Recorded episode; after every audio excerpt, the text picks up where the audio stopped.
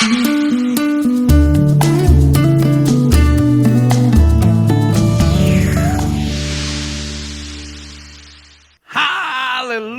Haleluya, haleluya. Tuhan kita dahsyat, Tuhan kita luar biasa. Dia Yehova Syamah, dia hadir di tengah-tengah kita.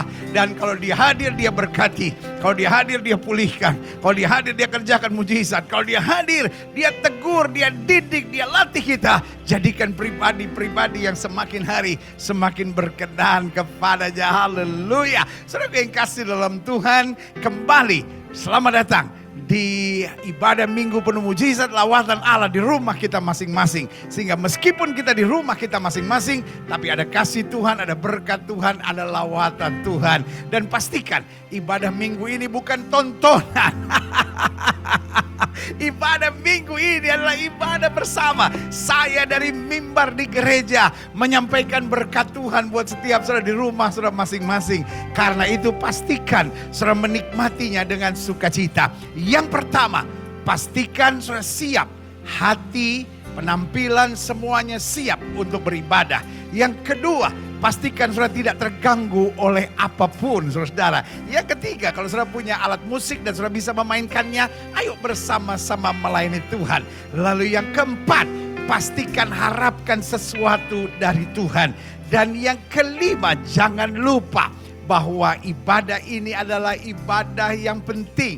Jadi pastikan saudara dari awal pertengahan sampai akhirnya jangan terganggu dengan apa pun. Jangan pikir setelah khotbah bubar saudara-saudara. Tidak, sampai doa berkat. Jadi kita mulai dengan doa Bapa kami dan kita akhiri dengan berkat Tuhan lewat doa berkat. Jadi saudara yang kasih dalam Tuhan dan juga yang penting setiap saudara interaktif. Karena ibadah ini bukan hanya saya berfirman buat setiap saudara. Tapi Tuhan berfirman buat setiap kita. Jadi pastikan kita interaktif. Kalau saya bilang haleluya, sudah katakan haleluya. Kalau saya bilang mari katakan Tuhan itu baik, katakan Tuhan itu baik. Sehingga sungguh meskipun sudah di rumah masing-masing, tetapi berkat sorgawi tercurah di tengah-tengah kita. Haleluya. Yang kasih dalam Tuhan, hari ini ada Krisman dan Ella yang akan melayani kita. Lalu tim musik yang luar biasa. Haleluya. Kita mulai dengan ada mujizat, dengan bersyukur. Kita siapkan hati dan pikiran kita. Haleluya.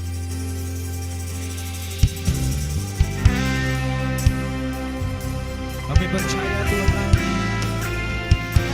Bahwa Allah yang selalu menolong kami. Hidup kami penuh dengan mujizat. Saat kami menyembah Engkau Saat kami bersyukur.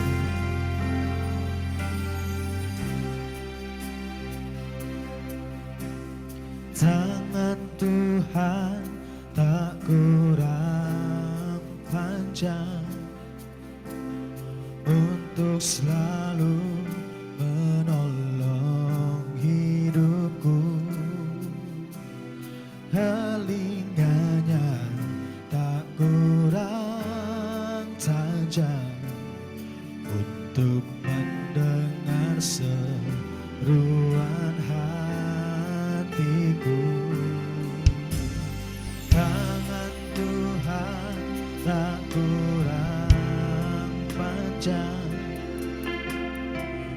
untuk selalu menolong hidupku. Telinganya tak kurang tajam untuk mendengar seruan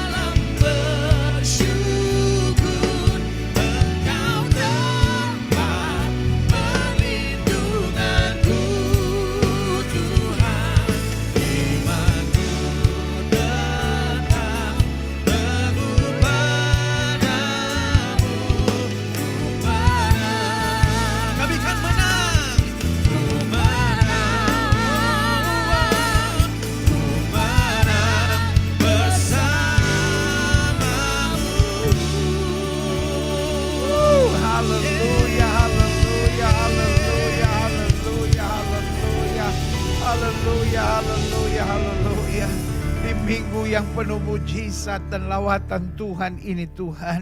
Kembali kami nyatakan pujian kami. Ada mujizat dalam bersyukur. Kami mau berhenti mengeluh. Kami mau berhenti bersungut-sungut. Kami mau berhenti kecewa dan berontak dengan keadaan yang terjadi. Tapi kami mau mulai bersyukur. Kami bersyukur karena Tuhan tidak pernah meninggalkan kami. Kami bersyukur karena Tuhan turut bekerja dalam segala perkara untuk mendatang kebaikan. Kami bersyukur karena Tuhan merubah kutuk menjadi berkat. Kami bersyukur karena apa yang mustahil bagi manusia tidak ada yang mustahil bagi Allah. Karena itu di hari Minggu yang penuh mujizat dalam ibadah lawatan Allah di rumah kami masing-masing ini. Meskipun kami di rumah, tapi kami tahu Tuhan turut bekerja untuk menyatakan kuasa dan mujizat-Mu.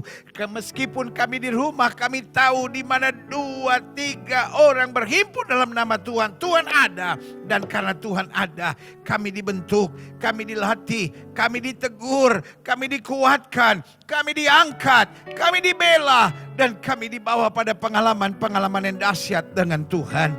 Hari ini kembali kami mau memuji-muji Tuhan. Hari ini kembali kami mau duduk diam dengar firman-Mu. Hari ini kami mau dikoreksi oleh Tuhan. Hari ini kami mau diproses oleh Tuhan. Kami mau diajar oleh Tuhan. Kami mau dikuatkan oleh Tuhan. Kami mau dengar suara Tuhan sehingga kami dapat berkata aku hidup. Tapi bukan lagi aku yang hidup tapi Kristus yang hidup dalam hidup kami. Dan kami percaya betul waktu Tuhan ada di rumah kami dalam ibadah minggu ini seluruh rumah tangga kami akan diselamatkan. Karena firman-Mu berkata satu orang bertobat seluruh isi rumah tangga akan diselamatkan. Dan kami percaya lewat hidup kami kami juga akan pergi memberitakan Injil buat setiap makhluk. Sehingga hidup kami jadi berkat hidup kami menjadi alat. Hidup kami senantiasa mengalami kemuliaan Tuhan. Karena kami tahu Pandemi hari-hari ini menunjukkan kepada kami bahwa waktunya sudah semakin dekat. Tanda-tanda akhir zaman sudah semakin nyata. Bahkan kami berani katakan kami bukan hanya ada di fase akhir zaman ini. Tapi kami ada di fase terakhir akhir zaman ini. Di mana waktunya sudah semakin singkat. Ini waktu untuk hidup kudus. Ini waktu untuk hidup benar. Ini waktu untuk bekerja keras. Ini waktu untuk mentuntaskan amanat agung. Ini waktu untuk mengabarkan Injil di mana pun kami berada. Karena itu Bapak kami semangat, kami sukacita untuk menyambut ibadah ini. Yang kami mulai dengan memohon pem- penyertaan Tuhan yang sempurna. Dan karena itu kami mulai di dalam nama Bapa, Anak dan Roh Kudus. Yaitu di dalam nama Tuhan Yesus Kristus yang telah mengajar kami berdoa. Naikkan doa ini bersama-sama. Bapa kami yang di surga. Dikuduskanlah namamu. Datanglah kerajaanmu. Jadilah kehendakmu di bumi seperti di sorga. Berikanlah kami pada hari ini makanan kami yang secukupnya. Dan ampunilah kesalahan kami. Seperti kami juga telah mengampuni orang yang bersalah kepada kami. Dan janganlah membawa kami ke dalam pencobaan. Tetapi lepaskanlah kami daripada yang jahat. Karena engkaulah yang mempunyai kerajaan dan kuasa dan kemuliaan. Sampai selama-lamanya bersama-sama kita katakan Amin. Woo, haleluya. Beri tepuk tangan yang meriah buat Tuhan. Haleluya, haleluya. Saudara bebas dalam ibadah ini. Kalau saudara mau berdiri memuji Tuhan bersama-sama silahkan. Kalau saudara juga mau duduk silahkan. Pokoknya di mana ada roh Allah, di situ ada kemerdekaan. Krisman, Ella, dan tim musik. Hayo mari kita memuji Tuhan. Haleluya, haleluya, haleluya. Yeah.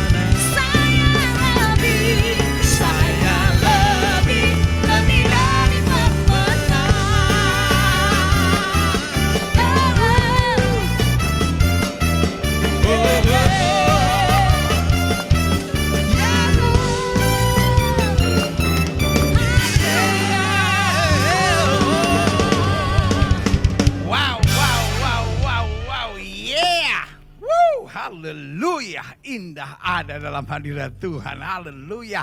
Ini yang Alkitab bilang di mana ada roh Allah di situ ada kemerdekaan. Haleluya. Setiap kita sudah bilang kan saya lebih dari pemenang. Iya dong. Saudara gue kasih dalam Tuhan betul kita ada tantangan, betul kita ada pergumulan, betul pandemi COVID-19 sebagai saudara bilang ini kok nggak hilang-hilang. Saudara gue kasih dalam Tuhan selalu saya bilang dia mau hilang, dia tidak mau hilang, kita tetap memuji Tuhan. Dia mau hilang, dia tidak mau hilang, kita tetap memuliakan Tuhan. Dia mau hilang atau dia tidak mau hilang, kita lebih daripada orang-orang yang menang yang setuju katakan amin. Woo, haleluya, haleluya, haleluya. Saudara kasih dalam Tuhan, meskipun kita di rumah masing-masing, ini waktunya kita bersorak di hadapan Tuhan. Kita bisa lebih bebas lah memuji, menyembah Tuhan. Masa di rumah masing-masing masih jaim juga.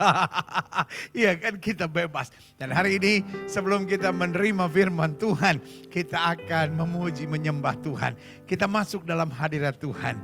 Karena kita tahu sungguh dia Tuhan yang mengerti kita. Dia Tuhan yang membimbing kita. Dan dia Tuhan yang menyertai langkah-langkah kita. Kita siapkan hati dan pikiran kita untuk masuk dalam firman Tuhan. Haleluya. Dalam hadirat Tuhan kami mau nyatakan bahwa kami butuh Engkau Yesus Kristus Tuhan, penebus kami, juru selamat kami. Hanya padamu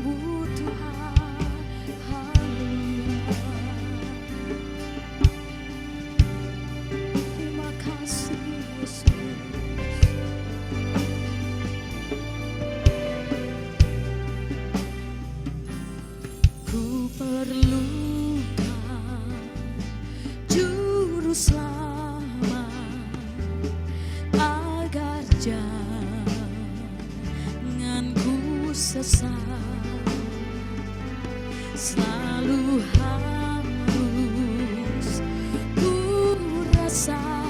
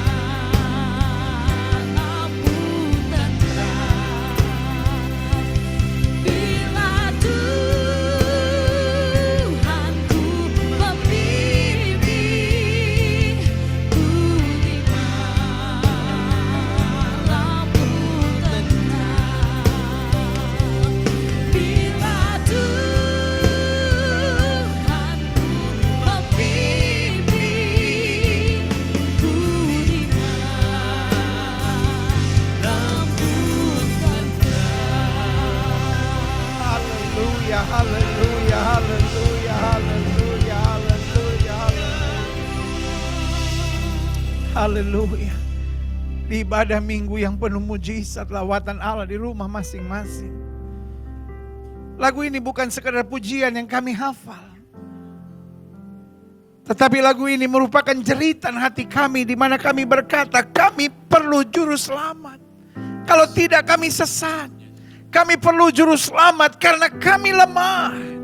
Tuhan yang menguatkan kami, Tuhan yang membimbing kami. Dan jika Tuhan membimbing kami, maka di malam pun kami tentram. Artinya dalam keadaan yang gelap gulita, dalam situasi yang tak menentu, dalam badai yang terjadi, tetap kami berkata, Tuhan juru selamat kami akan memberikan kemenangan buat kami.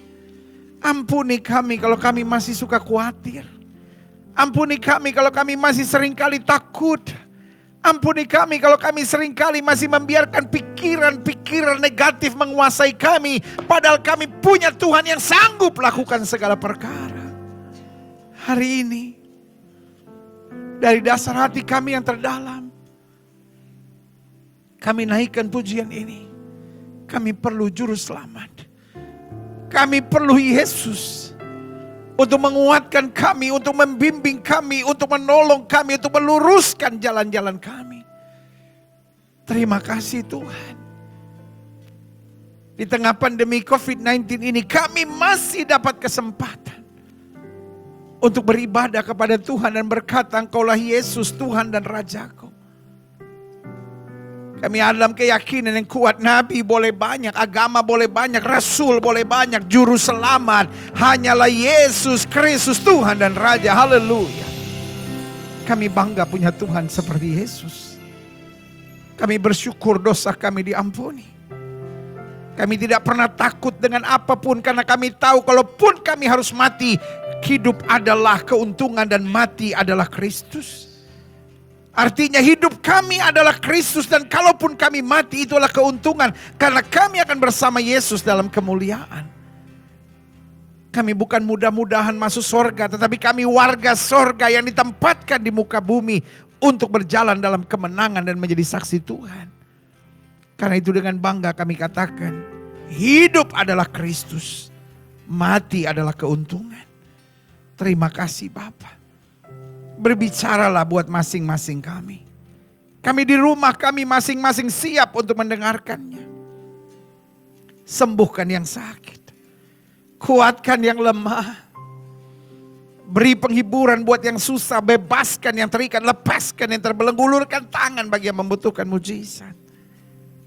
Sehingga hari ini, hari Minggu yang penuh berkat, penuh mujizat,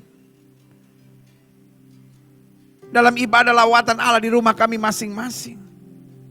Bukan sekedar ibadah rutin yang kami jalani. Tetapi hari ini hari berkat, hari ini hari mujizat, hari ini adalah lawatan Allah, hari ini hari perjumpaan kami dengan Yesus. Lewat roh dan firmanmu dan kami tahu, kami percaya. Orang yang berjumpa dengan Yesus tidak pernah akan dikecewakannya. Haleluya. Bersama-sama kita katakan, Amin. Woo, berikan tepuk tangan yang meriah buat Tuhan. Haleluya, haleluya, haleluya. Tuhan Yesus baik. Silahkan duduk buat setiap saudara yang berdiri di rumah masing-masing. Sehingga sungguh lawatan Allah berlaku buat setiap kita. Amin. Lagu yang sangat memberkati saya. Ku perlukan juru selamat agar jalan tak sesat. Amin. Saudaraku yang kasih dalam Tuhan. Manusia mudah mengambil langkah emosional. Manusia mudah mengambil langkah-langkah yang hanya menyenangkan. Tapi kita perlu Yesus dalam hidup kita. Agar kita nggak terpancing emosi. Agar kita bisa lebih sabar. Agar kita bisa lebih berhikmat. Agar kita nggak nekat. Bu, kalau ibu sedang disakiti suami, nyanyi lagu ini. Ku perlukan juru selamat agar jalan tak sesat. Itu bu, karena kalau suami kecewain bu, kadang kala ibu mau nekat aja bu. Pak, kalau istri lagi cerewet pak, nyanyi lagu ini pak. Ku perlukan juru selamat agar jalanku tak sesat. Karena kalau tidak pak, aduh aneh-aneh pak. Adik-adik muda kalau lagi pacaran, nyanyi. Ku perlukan juru selamat agar jalanku tak sesat. Pejabat-pejabat, kalau lagi dapat tawaran-tawaran yang menggiurkan, nyanyi. Ku perlukan juru selamat agar jalanku tak sesat. Karena pada dasarnya kita lemah, tetapi kalau juru selamat membimbing kita, kita dibawa pada pengalaman-pengalaman yang dahsyat dengan Tuhan. Haleluya. Ibu-ibu yang mungkin kadang kala ngerasa, suami saya kok kayaknya kurang perhatian ya pendeta ya. Suami saya kok kayaknya kurang romantis ya. Udah bu, makanya jangan stalking-stalking Instagram orang. Aduh dia bikin surprise buat istrinya. Kita dang. Darah Yesus. Sudah jobu. Jangan banding-bandingkan suamimu dengan suami orang. Pak, lihat dong dia suaminya perhatian. Nanti kalau suami sudah balas, ya kan istrinya juga cantik nggak kayak mama. kartu mati sudah, sudah bala kosong. Orang Papua bilang bala kosong. Aduh, parah saudara-saudara. Jadi saya pikir lagu ini perlu kita sering nyanyikan saudara-saudara ya kan. Daripada lagu aneh-aneh lagu dunia ini ya kan. Mendingan kita angkat hati dan berkata aku perlukan juru selamat. Karena aku lemah agar jalanku tak sesat. Karena jika Tuhan membimbingku maka di malam sekalipun, di gelap sekalipun, di tengah ketidakpastian sekalipun, aku tentram. Karena tangan Tuhan menopang kita yang sejak katakan amin. Amin. Ada yang kota masih melamun-melamun tapi biongo-biongo gitu ya kan. Bilang amin. Ah gitu ya kan. Sekali lagi sekali lagi bilang amin. Amin. Ah mantap, haleluya. Pegang Alkitab kita di tangan kanan. Sebelum kita masuk firman Tuhan, angkat tangan Alkitab kita di tangan kanan. Kita mengucapkan bersama apa yang kita akui sebagai pengakuan iman kita. Sama-sama bilang sama saya, sesuai dengan kesaksian Alkitab ini. Aku percaya Allahku Esa, Maha Kuasa, dan Maha Besar. Aku percaya Yesus Kristus adalah Allah sendiri yang telah menjadi sama dengan manusia. Ia adalah juru selamat yang bertanggung jawab dan mengasihi aku. Aku percaya Roh Kudus adalah Roh Allah sendiri yang senantiasa menyertai dan membimbing kehidupanku. Aku percaya Alkitab ini adalah firman Allah yang akan senantiasa menjadikan hidupku kudus, berkemenangan, diberkati, penuh mujizat, dan selalu menjadi berkat. Wuih. Amin. Haleluya, haleluya. Hari ini kita masuk pada pembahasan selanjutnya. Kita masuk pada bagian ke-15 dan hari ini kita masuk kembali pada serial khotbah kita 33 hal yang dahsyat tentang salib. Wow, saudaraku yang kasih dalam Tuhan. Sudah 15 minggu kita terus bicara the cross, the cross, the cross, and the cross. Salib, salib, dan salib, saudara-saudara. Dan bagian ke-15 ini, dan selalu saya bilang, kita mau bahas 100 hal tentang salib, kita tetap masih ada. Karena saudaraku yang kasih dalam Tuhan, seluruh Alkitab dari kejadian sampai wahyu, fokusnya adalah the cross. Fokusnya adalah salib. Karena di salib itu dosa kita diselesaikan. Di salib itu hidup kita dibereskan. Di salib itu kita diangkat dan dijadikan warga kerajaan sorga. Makanya selalu saya bilang the shape of Christianity is cross. Bahwa bentuk kekristenan adalah salib. Karena kekristenan tanpa salib adalah kepalsuan dan kebohongan. Tetapi kekristenan dengan salib adalah kekristenan yang menuju pada kemuliaan yang sudah katakan salib. Woo, haleluya. Nah di bagian ke-15 dari pembahasan kita 33 hal dahsyat tentang salib. Kita sedang membahas tentang salib. Bukti keunikan jalannya Allah. ya kan? Karena saudara yang kasih dalam Tuhan. Ways of God is unique. Jalan-jalan Tuhan itu unik. Tetapi dahsyat dan luar biasa. Nah ini yang kita mau belajar hari ini. Buka Alkitab kita sama-sama. Ada banyak orang yang nggak bisa ngerti kenapa orang kok hidup benar menghadapi tantangan. Kenapa saya udah berdoa kok saya tidak menghadapi mujizat. Kenapa orang yang kelihatannya lemah imannya tapi dibela Tuhan. Kenapa saya yang udah beriman begini kok Tuhan belum buat mujizat. Saudaraku yang kasih dalam Tuhan, jalan Tuhan itu unik. Kenapa Allah harus jadi manusia? Itu yang saya bilang jalan Tuhan itu unik. Kekristenan diejek, kekristenan dihina karena orang berkata, Masa orang Kristen Allah dibilang manusia, manusia dibilang Allah aneh. Jalan Tuhan bukan aneh, jalan Tuhan itu unik. Apa artinya unik? Jauh lebih daripada pemikiran manusia. Kenapa? He is God. Ya kan? Dan Alkitab udah bilang, jalanmu berbeda dengan jalanku. Nah pertanyaan saya, kalau jalan saya berbeda dengan jalan Tuhan, siapa yang saya mau ikut? Masa Tuhan mau ikut jalan kita? Masa Tuhan mesti ikut cara berpikir kita? Maka saya yang harus berserah kepada Tuhan. Saya yang harus ikuti jalan Tuhan. Maka saya akan mengalami kemuliaannya yang setuju katakan amin. Kalau jalan Allah berbeda dengan jalan saya. Adalah bodoh kalau Tuhan yang harus ikut saya. Oh saya nggak bisa ngerti kenapa Tuhan begini. Loh saudara gue yang kasih dalam Tuhan. Kalau saya nggak bisa mengerti kenapa Tuhan begini. Saya yang harus berserah agar saya mengerti. Amin. Karena satu yang saya tahu Tuhan tidak pernah salah. Yang setuju sama saya katakan Tuhan tidak pernah salah. Lemes. Yang setuju sama saya katakan Tuhan tidak pernah salah. Ayo, ayo semangat, semangat, semangat. Yang setuju sama saya katakan Tuhan tidak pernah salah. Amin? Yeah. 2 Korintus 13 ayat 4 sampai 5. Karena sekalipun ia telah disalibkan oleh karena kelemahan. Namun ia hidup karena kuasa Allah. Sampai hari ini. Masih saja ada orang-orang bodoh yang berkata. Masalahnya orang Kristen katanya Allah tergantung tak berpakaian di atas tiang jemuran. Kau boleh menghina Yesus semaumu. Tetapi ingat Yesus yang kau hina itu. Yang di kitabmu bahkan dituliskan. Dia akan datang kembali sebagai Imam Mahdi. Yang menghakimi bumi ini. Dia akan datang kembali sebagai hakim yang adil. Dan hari itu Alkitab berkata setiap lutut akan bertelut. Setiap lidah akan mengaku Yesus Kristus Tuhan. Bagi kemuliaan Bapa di sorga yang sejuk katakan amin. Sampai hari ini. Orang masih mengejek. Orang Kristen itu bodoh.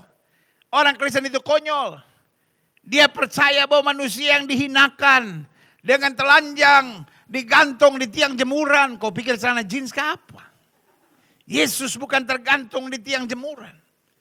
Yesus tergantung di salib karena kebodohanmu dan karena kebodohanku, karena pemberontakanmu dan karena pemberontakanku, karena kesalahanmu dan karena kesalahanku, karena mulutmu yang kotor dengan mulutku yang kotor, di situ dia tanggung semuanya supaya kita yang percaya kepada tidak binasa melainkan beroleh hidup yang kekal yang sujud katakan amin.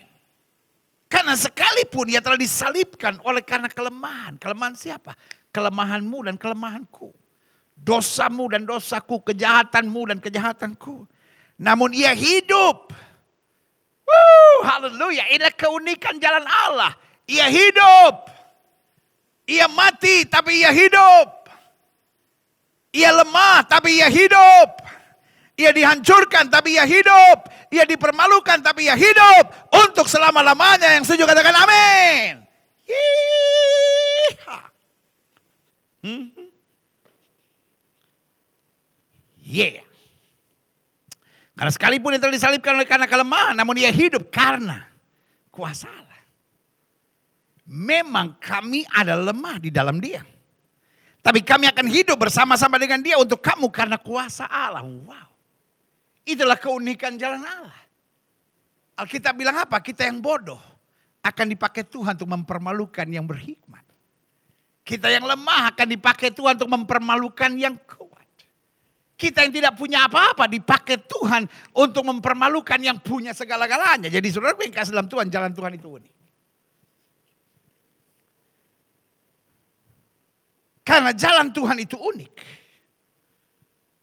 Satu, saya jangan berpikir negatif. Karena jalan Tuhan unik. Dua, saya tidak boleh putus asa. Yang ketiga, karena jalan Tuhan itu unik. Saya tidak boleh meninggalkan dia. Dan yang keempat, karena jalan Tuhan itu unik. Saya harus tetap percaya bahwa di dalam dia saya lebih daripada orang-orang yang menang. Yang setuju katakan amin. Ibu, engkau yang sedang menghadapi tantangan. Bapak, engkau yang sedang menghadapi badai. Adik-adik muda yang sedang bingung. Para pengusaha, para pejabat yang sedang goncang. Dengar jalan Tuhan itu unik. Tidak bisa kau hitung secara matematik. Gak bisa kau bilang, wah saya diberhentikan. Wah saya ada masalah. Wah saya begini, nanti jadinya begini. Tidak bisa dihitung secara matematik. Alkitab dengan tegas berkata, sesuai imanmu jadi padamu. Jalan Tuhan itu unik. Bagi orang-orang yang beriman, selalu ada berkat. Selalu ada kemenangan. Selalu ada kepastian. Selalu ada jalan keluar yang setuju katakan, yeah. Yep. Ayat 5. Karena jalan Tuhan itu unik. Ujilah dirimu sendiri.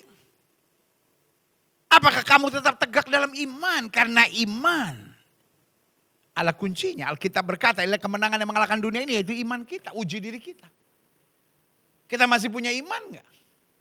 Jangan kita sibuk sama persoalan, karena persoalan akan selalu ada. Nanti ada SARS, SARS hilang, MERS. MERS hilang, COVID. Waktu zamannya HIV. Nanti apa lagi di depan kita? I don't know. Tapi hidup ini bukan how we fix the situation. But how we fix our faith. Hidup ini bukan bagaimana kita beresin sekitar kita, tapi bagaimana kita beresin iman kita. Mendengar berita negatif akan setiap hari. Karena khususnya di akhir zaman, segala sesuatu akan berubah kata Alkitab. Teman bisa jadi pengkhianat. Orang yang kita sayang tiba-tiba bisa mengecewakan kita. Orang yang kita andalkan tiba-tiba bisa berbalik menyerang kita. Keadaan yang tadinya nyaman, indah, manis dan dahsyat luar biasa tiba-tiba bisa berbalik menakutkan buat kita. Laut yang tenang tiba-tiba bisa bergelora, bergelombang dan menakutkan dengan tsunami-nya yang dahsyat. Tapi keadaan tidak boleh mengubahkan hati kita selama kita punya iman. Iman adalah pagar untuk membuat kita mampu menghadapi segala sesuatu yang setuju katakan amin. Makanya Alkitab jelas bilang. Ujilah dirimu sendiri. Folks. Pertama kita bersama. 23 Maret. April, Mei, Juni, Juli, Agustus. Lima bulan kita sekarang bersama-sama.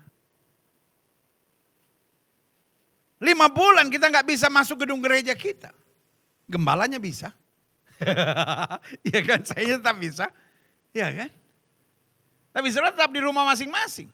Pertanyaan saya berkurang nggak kasih Tuhan? No. Memang kalau pintu gedung gereja sudah bisa terbuka, why not you come? Saudara yang gerejanya sudah terbuka karena saya mengerti. Yang saya layani selama lima bulan ini bukan hanya jemaat gereja Bethel Indonesia Global Fellowship Center. Karena ini bukan waktunya kita lagi tanya dari gereja mana. Ini waktunya kita hanya bicara anak Tuhan Yesus. Atau bukan anak Tuhan Yesus. Tuhan sedang melakukan sesuatu yang dahsyat akhir zaman ini. Dia meruntuhkan tembok-tembok gereja supaya kita dapat bergandengan tangan bersatu dan mengakui Yesus adalah kepala dan kita adalah tubuhnya. Lima bulan kita bersama-sama. Dan selama lima bulan ini yang menjadi topik utama kita hanya fokus on Jesus, fokus on the cross. Karena kalau kita mau sibuk dengan berita, kalau kita mau sibuk dengan pandemi, kalau kita mau sibuk dengan COVID yang terjadi malah semakin kita tertekan, semakin kita tertekan dan semakin panik. Apalagi sudah lima bulan berita nggak berubah-berubah. Sebagian sudah ada dalam stress level yang very high. Tapi saudara yang kasih dalam Tuhan, saya hanya mau ingatkan buat saudara. Rasanya berita tentang COVID, saudara udah ngerti semuanya, saudara udah dengar semuanya. Ini waktunya dengar berita dari sorga. Ini waktunya beritakan tentang kerajaan Allah di mana pun saudara ditempatkan Tuhan. Berita sekarang hanya dua. Takut atau beriman. Dunia sedang menawarkan berita-berita ketakutan, tapi kita sedang menawarkan berita keselamatan. Jelas Alkitab berkata, dengan sangat rindu, seluruh umat menantikan saat anak Allah dinyatakan. Alkitab berkata ketika semuanya tergoncang, ini waktunya kita memandang ke langit. Anak manusia datang dalam awan dan kemuliaannya. Ini menggambarkan kepada kita saat-saat seperti ini pengharapan kita hanya kesadaran bahwa ada Bapa kita di sorga yang akan menyelesaikan segalanya buat kita yang setuju katakan amin. Jadi jelas. Ayat ini bilang ujilah dirimu sendiri. Apakah kamu tetap tegak dalam iman? Selidikilah dirimu. Apakah kamu tidak yakin akan dirimu? Bahwa Kristus Yesus ada dalam diri kamu sebab jika demikian kamu tidak tahan uji. Jelas ya. Kalau kita takut bukan karena pandemi ini menakutkan. Kita takut bukan karena kita di PHK. Kita emosi bukan karena orang yang memancing kita terlalu menyakitkan buat kita. Tetapi Alkitab berkata karena Kristus tidak ada dalam diri kita. Jelas Alkitab bilang. Selidikilah dirimu. Apakah kamu tidak yakin akan dirimu bahwa Kristus Yesus ada dalam diri kamu?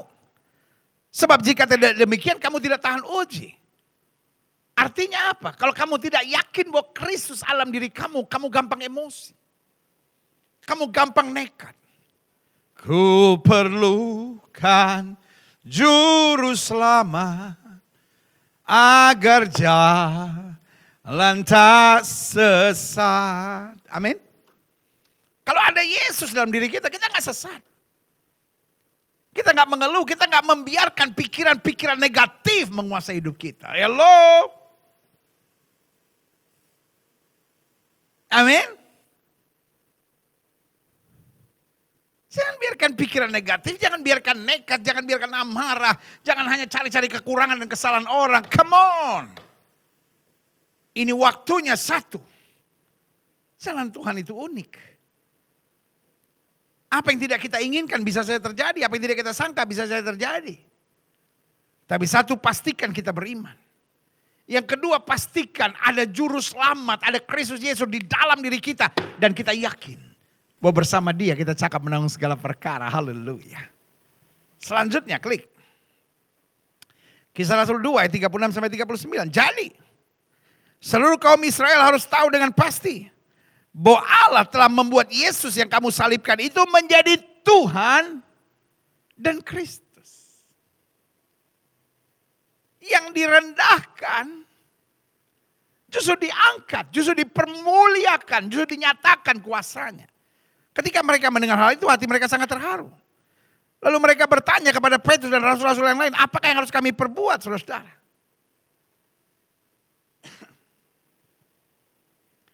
hal-hal yang unik mengajarkan kepada kita our response has to be right. Jadi kalau jalan Tuhan itu unik, bisa saja kita stres. Bisa saja kita emosi. Bisa saja kita tidak mengerti, bisa saja kita nekat. Tetapi sebaliknya, ayat ini bilang apa? Ketika mereka mendengar hal itu, ketika mereka tahu bahwa ternyata jalan itu, Tuhan itu unik, mereka bertanya, Tuhan, Tuhan, apa yang harus aku perbuat? Apakah yang harus kami perbuat, saudara-saudara? Terjemahan lainnya bilang, apa yang harus kami perbuat supaya kami benar, supaya kami selamat. Selanjutnya, klik. Jawab Petrus kepada mereka. Bertobatlah. Hendaklah kau masing-masing memberi dirimu dibaptis dalam nama Yesus Kristus untuk pengampunan dosamu. Maka kamu akan menerima karunia roh kudus. Bertobat. Dibaptis dan menerima karunia Roh Kudus ini yang kita perlukan di akhir zaman. Bertobat. Artinya turn around. Dari mengandalkan diri sendiri, akhirnya bertobat, mulai meninggalkan kekuatan pada diri sendiri dan mulai mengarahkan hidup sepenuhnya pada kekuatan, tuntunan, pimpinan dari Tuhan semata-mata. Setelah itu beri diri dibaptis. Apa artinya beri diri dibaptis? Mau mati bersama Yesus supaya kita bisa dihidupkan kembali bersama dengan Kristus. Baptis bukan cuma sekedar upacara, pemercikan biasa.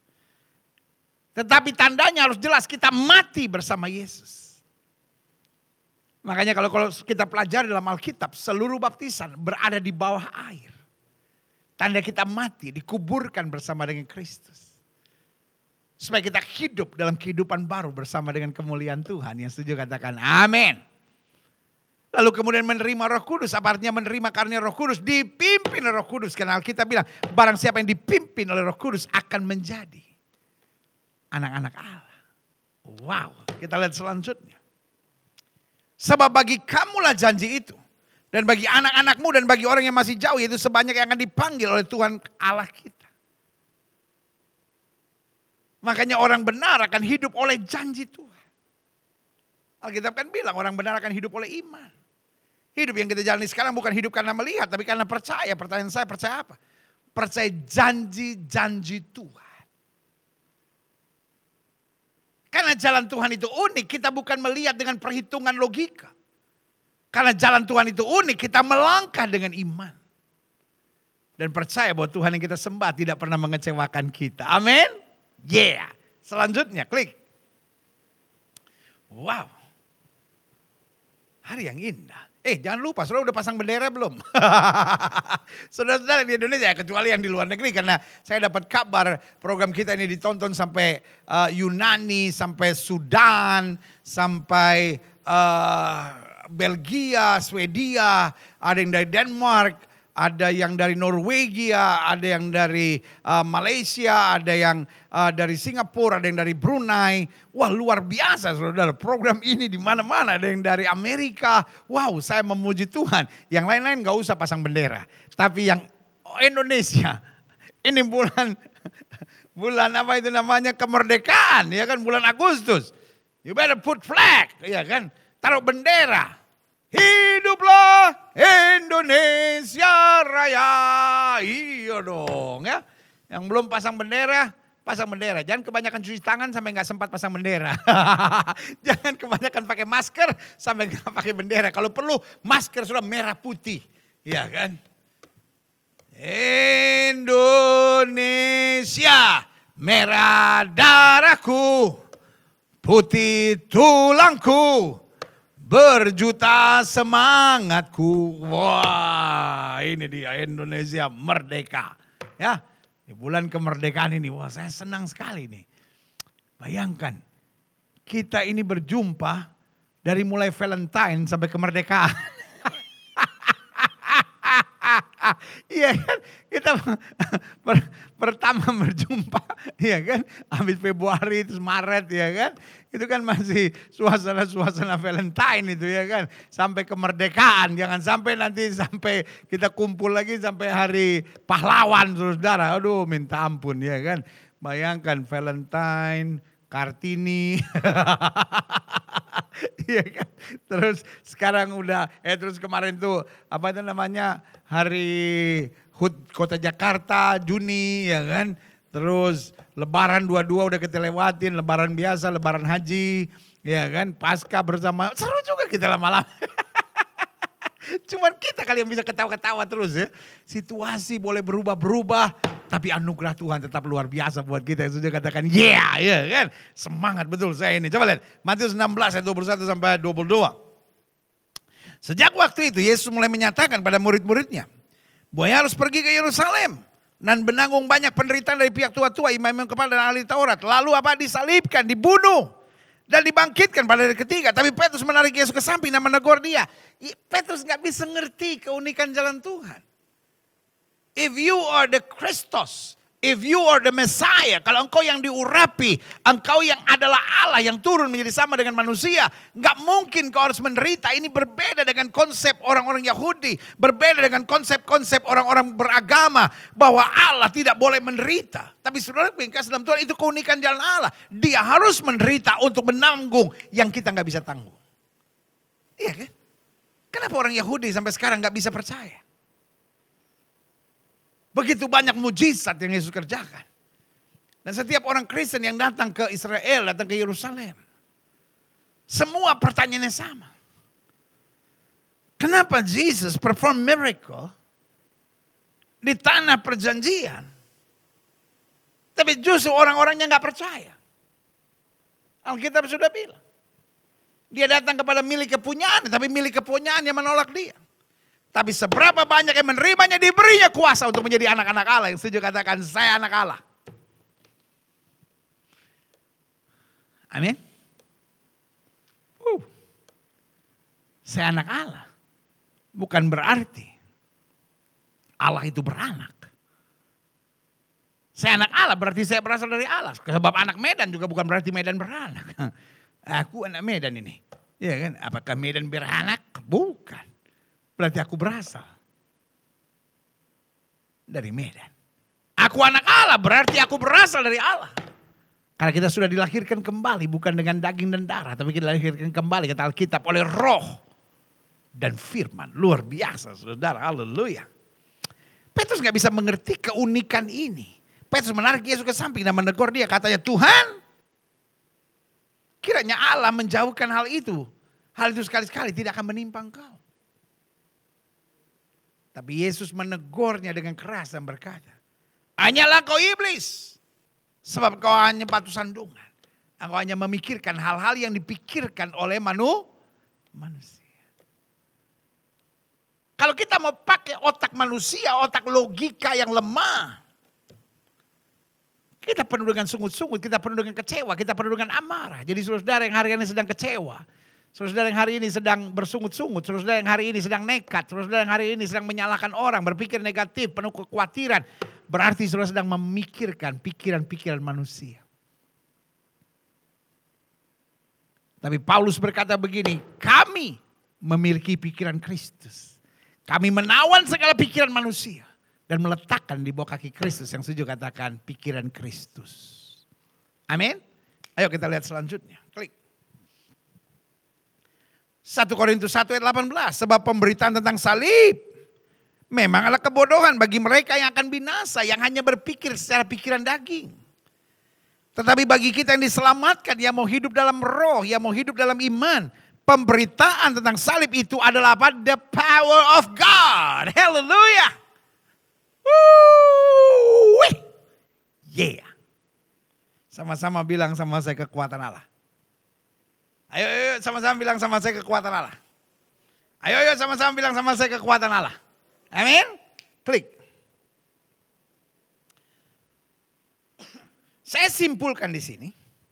Salib yang adalah satu-satunya jalan untuk penyelesaian dosa dan kebinasan manusia. Jadi salib saya catat di sini dengan tegas. Bukan salah satu.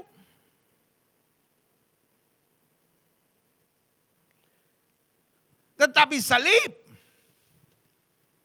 adalah jalan satu-satunya. Sama-sama bilang sama saya bukan salah satu. Sama-sama bilang sama saya jalan satu-satunya. Tepuk sebelah saudara. Bilang, bukan salah satu. Tapi jalan satu-satunya. Ada banyak jalan ke Roma, itu ke Roma kote. Tapi ke sorga. Di bawah kolong langit ini tidak ada nama lain oleh manusia selamat. Kecuali dalam nama Yesus. Yang setuju katakan amin. Jadi salib adalah jalan satu-satunya untuk penyelesaian dosa dan kebinasan manusia. Why? Klik. Yang pertama kenapa satu-satunya? Karena di salib itu ada darah. Dan saya sempat catat dalam Ibrani pasal 9 ayat 22 bilang begini. Hampir segala sesuatu disucikan menurut hukum Taurat dengan darah. Dan ada ada pernyataan dalam hukum Taurat begini dan tanpa darah, tanpa penumpahan darah tidak ada pengampunan.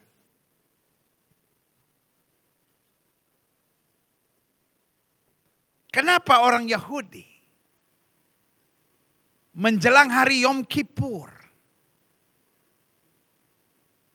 harus memotong korban?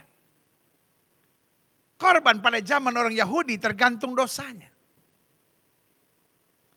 Jadi kalau dia pikir dosanya kecil, dia bawa burung tekukur. Kalau dosanya agak besar, dia bawa kambing atau domba. Kalau dosanya besar sekali, dia harus bawa sapi. Thank God for Jesus. Saya mau tanya sama saudara. Kalau hari ini peraturan itu masih ada dalam Alkitab. Lu mesti bawa apa? Gajah bengkak yang lagi kena beri-beri pendeta. Atau lu mesti bawa kuda Nil. Iya kan?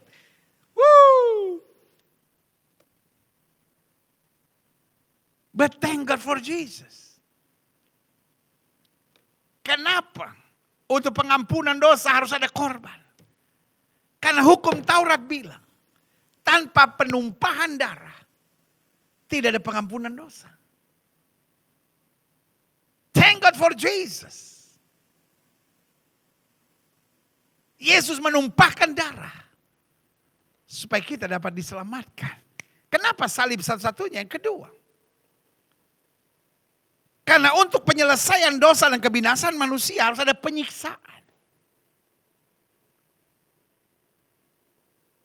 Dan Yesus menanggung penyiksaan itu. Makanya di Taman Getsemani dia bilang, Bapak kalau boleh cawan lalu. Cawan itu berisi darah. Cawan itu berisi penyiksaan. Cawan itu harus berisi dipermalukan. Karena memang itu syaratnya. Pertama harus ada darah tertumpah. Agama nggak cukup untuk menyelesaikan dosa dan kebinasan manusia. Karena upah dosa ialah maut. Darah binatang nggak bisa menyelesaikan, hanya bisa menutupi. Makanya Yesus tumpahkan darahnya. Dan sebelum darahnya tertumpah, dia rela disiksa. Supaya kita tidak perlu disiksa lagi karena sudah ada yang menanggung penyiksaan itu buat kita. Dan yang ketiga, bukan hanya darah dan penyiksaan di salib itu. Yang ketiga, harus ada penghinaan, dipermalukan. Karena dosa mengakibatkan penghinaan dan dipermalukan. Tapi complete. He paid the price. Dia bayar harganya. Maka dari kayu salib dia bilang sudah selesai. Dan yang keempat, kematiannya harus kematian pribadi yang suci tak berdosa. Jadi yang bisa membayar harga buat kita. Yaitu dia yang suci yang menanggung buat kita. Karena kalau kita pakai logika sederhana yang bersalah tidak bisa menanggung buat kita. Harus yang tidak bersalah yang menanggung itu buat kita. Complete. Sempurna. Dia tidak bersalah. Dia mau mati dan menumpahkan darah buat kita. Dia rela disiksa. Dia mau dipermalukan, dihina, sehina-hinanya. Satu, supaya kita hidup. Dua, supaya kita menerima kemuliaan. Dan yang ketiga, supaya kita bebas dari siksaan. Dan menerima berkat sorgawi yang berkelimpahan yang setuju katakan salib itu dahsyat. Kurang, kurang, kurang. Sama-sama bilang salib itu dahsyat. Ayo sama-sama bilang salib itu dahsyat. Woo, berikan tepuk tangan yang meriah buat Tuhan. Jadi jelas buat kita. Jalan Tuhan itu unik. Tapi salib penyelesaiannya, klik. Doa Yesus di Taman Getsemani jelas. Bapak kalau boleh cawan hilang. Kalau ada jalan lain untuk penyelesaian dosa manusia. Kalau agama, amal, ibadah bisa menyelesaikan persoalan keselamatan manusia. I don't need. Saya nggak perlu naikkan sekali salib. But if there is no more chance. Kalau nggak ada jalan lain, satu-satunya jalan untuk manusia diselamatkan hanyalah melalui salib. I am ready. Because I love them. Makanya di atas kayu salib kalimat pertama Yesus adalah Bapa ampunlah mereka sebab mereka tidak tahu mereka perbuat. Haleluya. Klik. Selanjutnya saya pelajari. Namun salib itu buat saya begitu unik. Karena yang begitu terhina bagi yang tidak mengerti justru adalah kebanggaan bagi yang memahami dan menerimanya. Salib adalah kebodohan. Begitu terhina bagi yang tidak mengerti. Makanya salib adalah pusat penghinaan kepada orang Kristen. Allahnya orang Kristen matinya dipantek. Saya waktu SD suka diejek oleh teman-teman saya. Kristen matinya dipantek, Kristen matinya dipantek, Kristen matinya dipantek.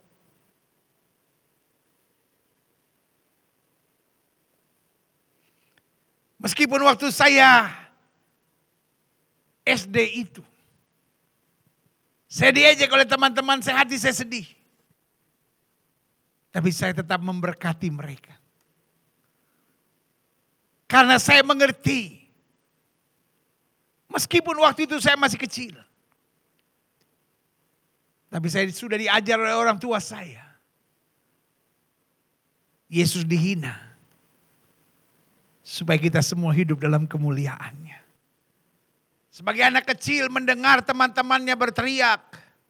Kristen matinya dipantek, Kristen matinya dipantek, Kristen matinya dipantek. Saya sedih. Tetapi karena mengerti. Akhirnya doa saya hanya berbunyi Tuhan. Bahwa mereka mengerti. Yesus juga mengasihi mereka. Ternyata bukan hanya waktu saya SD. Sampai hari ini. Salib merupakan dasar penghinaan terhadap orang Kristen. Allahnya orang Kristen matinya dipantek. Kau pikir nangka belum mateng ke apa yang mesti dipantek? iya kan? Bacalah, lihatlah yang ada di YouTube hari-hari ini. Begitu banyak penghinaan terhadap salib. Tetapi kita tidak pernah merasa terhina. Karena memang salib begitu terhina bagi yang tidak mengerti. Tapi pada saat yang bersamaan justru salib adalah kebanggaan bagi yang memahami dan menerimanya. Karena justru di salib itu kita menjadi warga sorga. Justru di salib itu dosa kita diampuni. Justru di salib itu kita hidup dalam kemenangan. Justru di salib itu kita punya kepastian bahwa Allah turut bekerja untuk mendatang kebaikan bagi setiap kita yang mengasihi dia. Yang setuju berikan tepuk tangan yang meriah buat Tuhan. Haleluya. Yeah. Selanjutnya saya pelajari. Mengapa salib tidak dapat dimengerti? Saya catat beberapa alasan di sini. Yang pertama, salib tidak dapat dimengerti karena terlalu sederhana. Kalau orang bilang begini, kalau kau mau diselamatkan, mesti cari ayam hitam yang telurnya putih. Dan ayam putih yang telurnya hitam. Lalu dikawinkan. Tujuh tetes darah dari ayam hitam yang telurnya putih. Dan tiga tetes darah dari ayam hit, ayam putih yang telurnya hitam. Kau campur kan menjadi sepuluh tetes. Dan sepuluh itu angka kesempurnaan. Lalu kau hirup tujuh kali. Lalu kau buang sepuluh kali. Maka kau diselamatkan. Banyak yang percaya.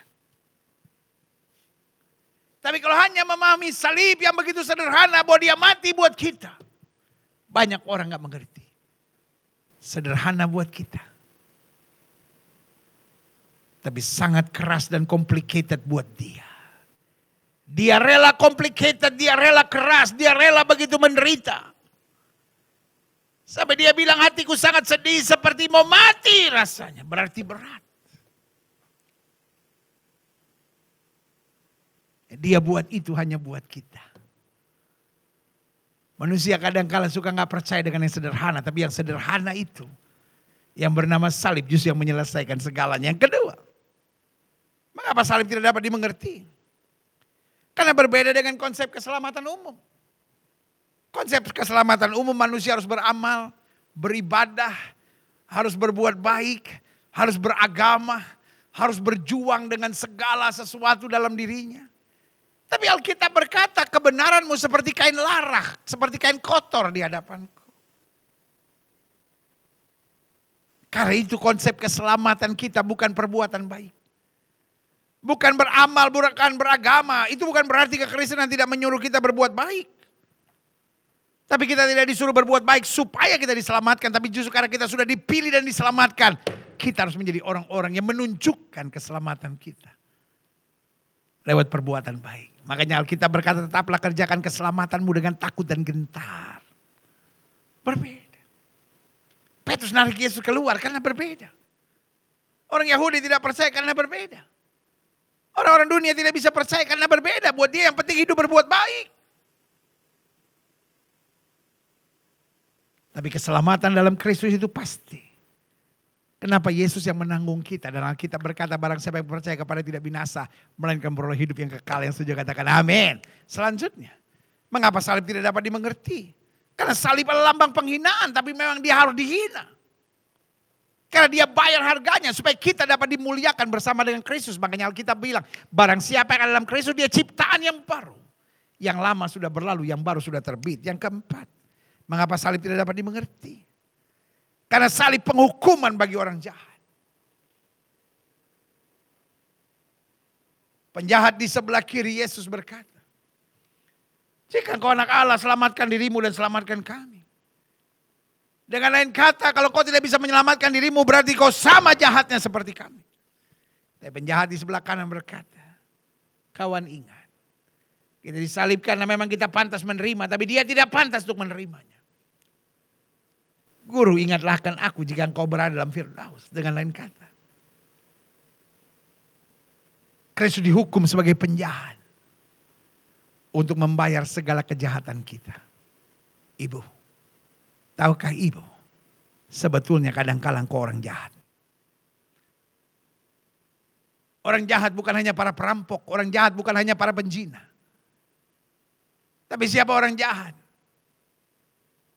Orang yang tidak percaya Tuhan juga jahat. Orang yang sudah ditebus Tuhan tapi menolak itu pun jahat. Yesus sudah bayar harganya dan kita masih bersungut, kita masih mengeluh, kita masih kecewa, kita hidup dengan segala uh, kebencian, kepahitan, itu pun jahat di hadapan Tuhan. Intinya kita semua tadinya jahat. Tetapi lewat darahnya kita disucikan. Hari ini kita berkata, yang lama sudah berlalu, yang baru sudah terbit. Setuju katakan amin. Haleluya. Taruh tangan kanan saudara di dada sama-sama bilang tadinya saya jahat. Tapi sekarang saya menerima anugerah. Dan gak usah malu. Mendingan tadinya kita jahat sekarang menerima anugerah dari tadinya kita baik. Ya kan? Tadinya dia baik, sekarang parah saudara. Tadinya kita jahat. Kita mudah mengeluh. Kita mudah berpikir negatif. Kita mudah cari-cari kesalahan istri, mudah cari-cari kesalahan suami. Kita mudah menghina, merendahkan orang di sekitar kita. Hanya karena kita nggak suka, hanya karena kita nggak nyaman. Lalu kita mulai serang, kita mulai sikat, kita mulai cari kekurangan. Tapi hari kita berkata, aku mau jadi berkat. Ah yang setuju katakan amin. Selanjutnya, baik Yahudi, baik saudara sepupu, maupun agnostik, maupun ateis. Mereka yang nggak percaya pernyataan Tuhan, mereka yang nggak percaya agama. Akan selalu terganjal dalam penjelasan tentang salib. Klik. Siapa yang dapat menerima salib?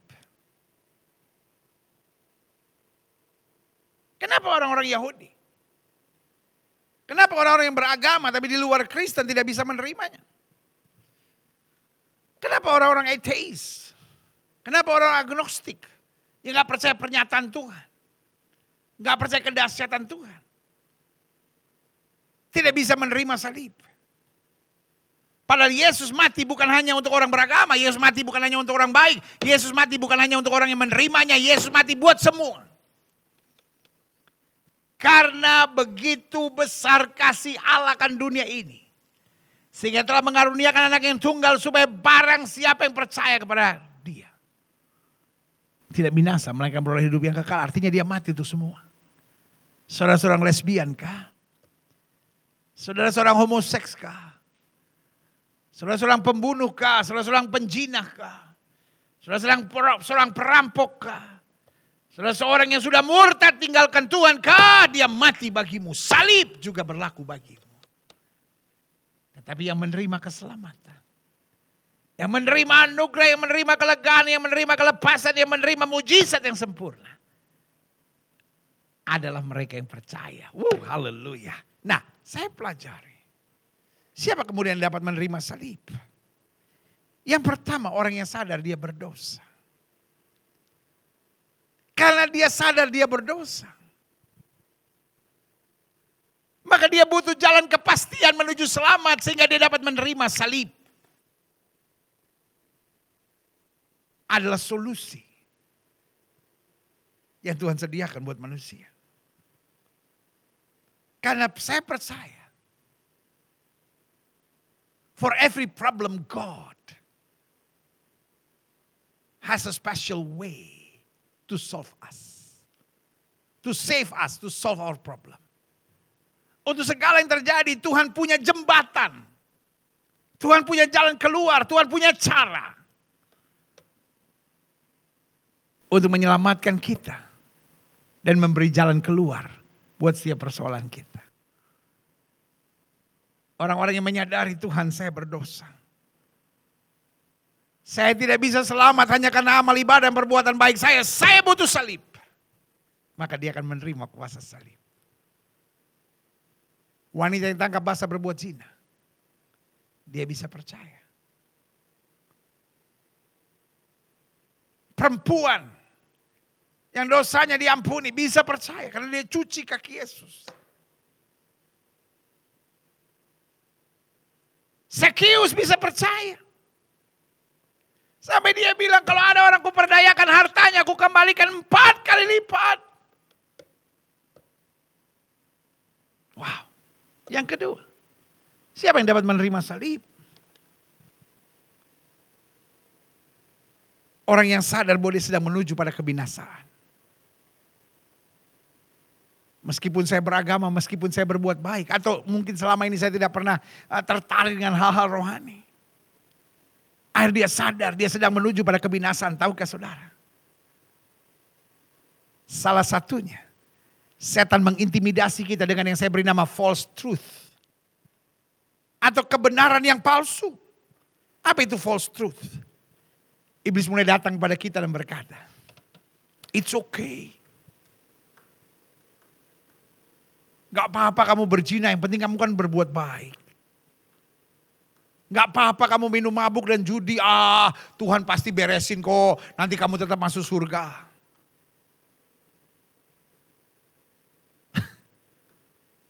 Kalau kita judi, minum mabuk, gak pernah ke gereja, gak pernah percaya Tuhan, nyakitin hati suami, nyakitin hati istri, berzina. Lalu pikir mati masuk surga, kau pikir kok ada orang dalam ke apa?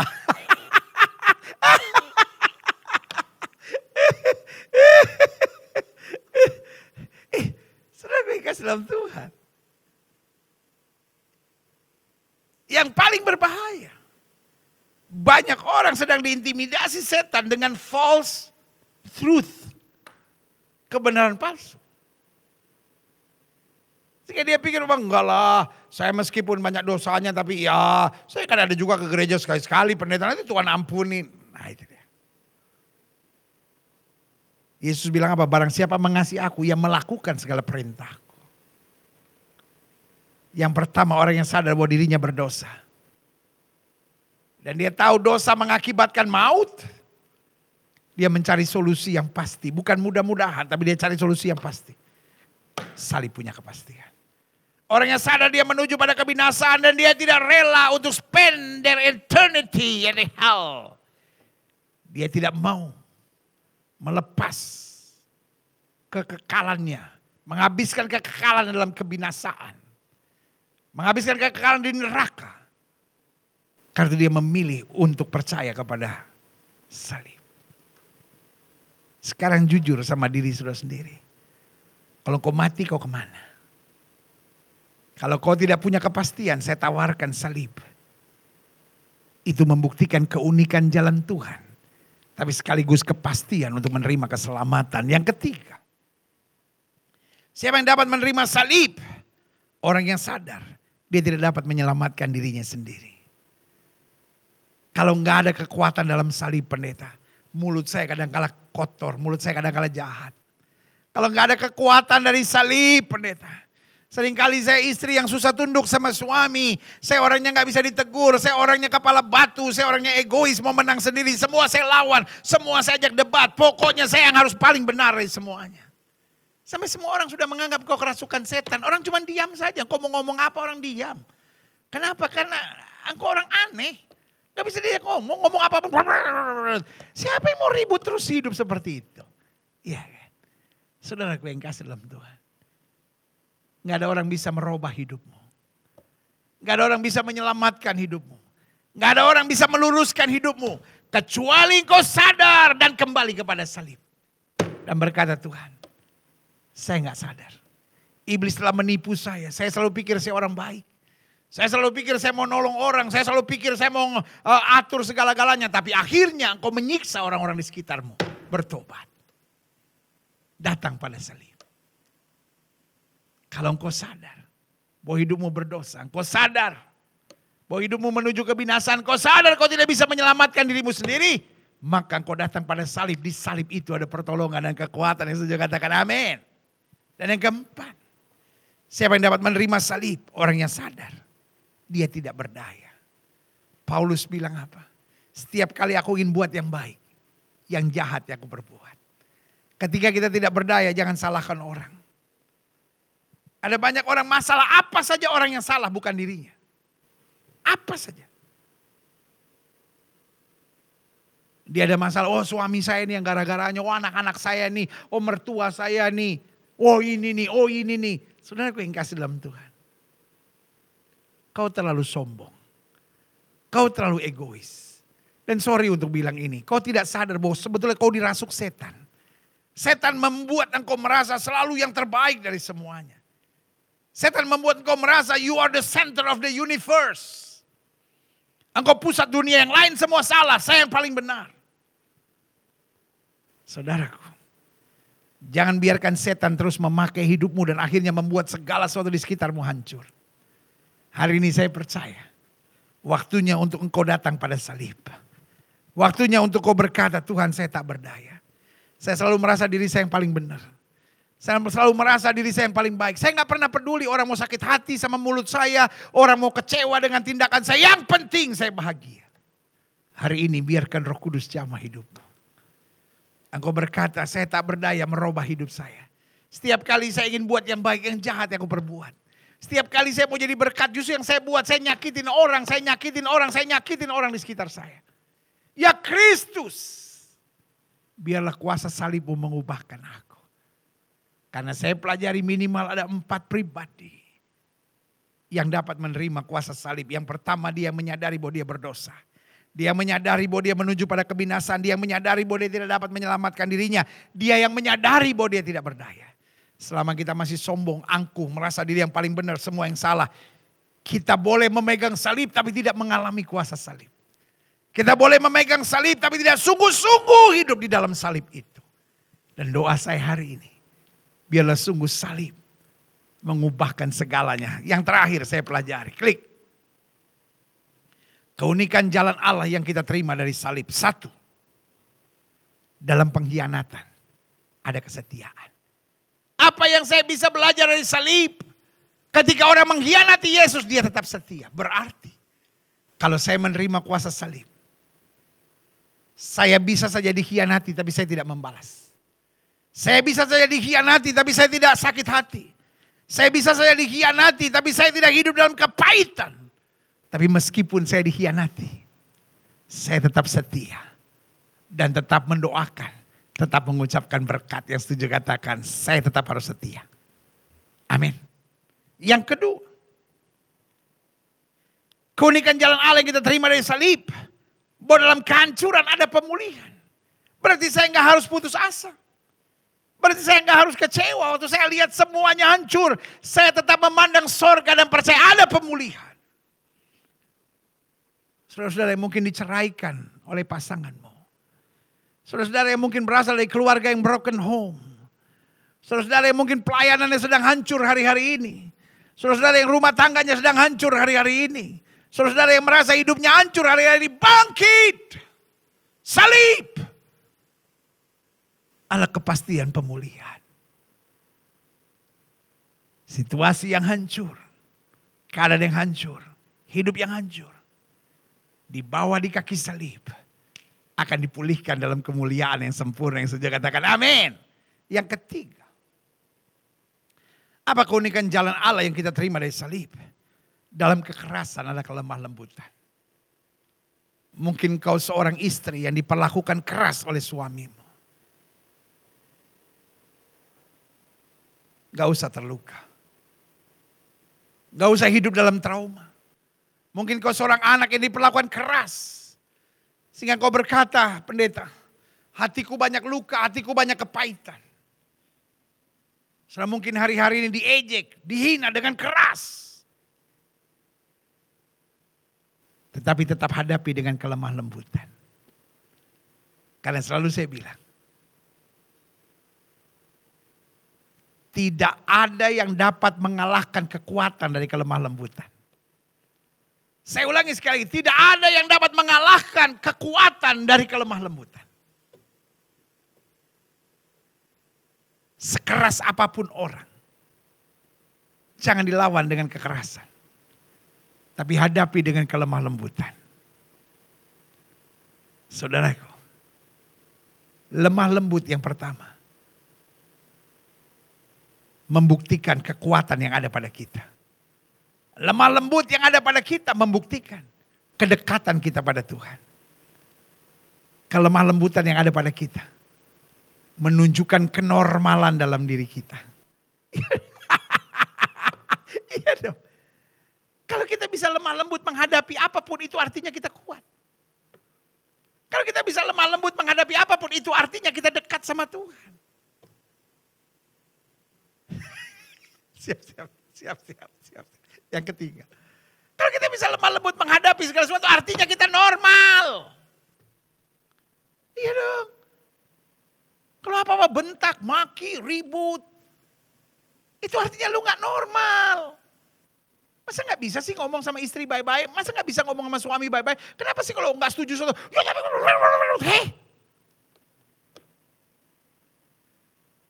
Di dalam diri saudara seperti ada roh macan gitu, ada roh beruang. Iya kan?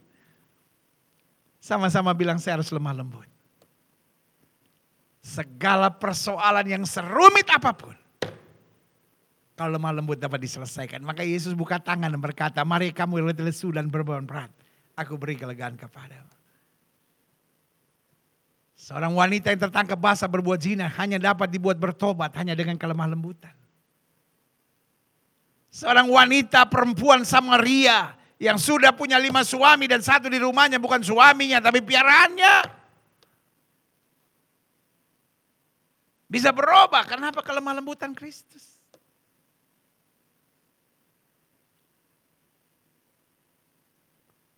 Hari ini sebagai hamba Allah saya hanya mau ingatkan. Salib. Bicara tentang pengkhianatan. Tapi juga kesetiaan. Bicara kehancuran. Tapi juga pemulihan. Bicara tentang kekerasan. Tapi juga bicara kelemah lembutan. Dan yang, keli, yang selanjutnya saya pelajari. Wow. I'm so blessed. Saya sangat diberkati hari ini. Karena saya pelajari yang keempat. Keunikan jalan Allah yang kita terima dari salib. Dalam kejahatan ada kasih yang sempurna. Yesus tidak membalas yang jahat dengan yang jahat. Karena membalas yang jahat dengan yang jahat sama jahatnya. Kita yang memandang salib, kita yang memegang salib, kita yang hidup karena salib. Bisa saja diperlakukan jahat oleh orang di sekitar kita. Tapi kita tetap murid-murid Kristus yang hidup dalam kasih. Sama-sama bilang saya harus hidup dalam kasih.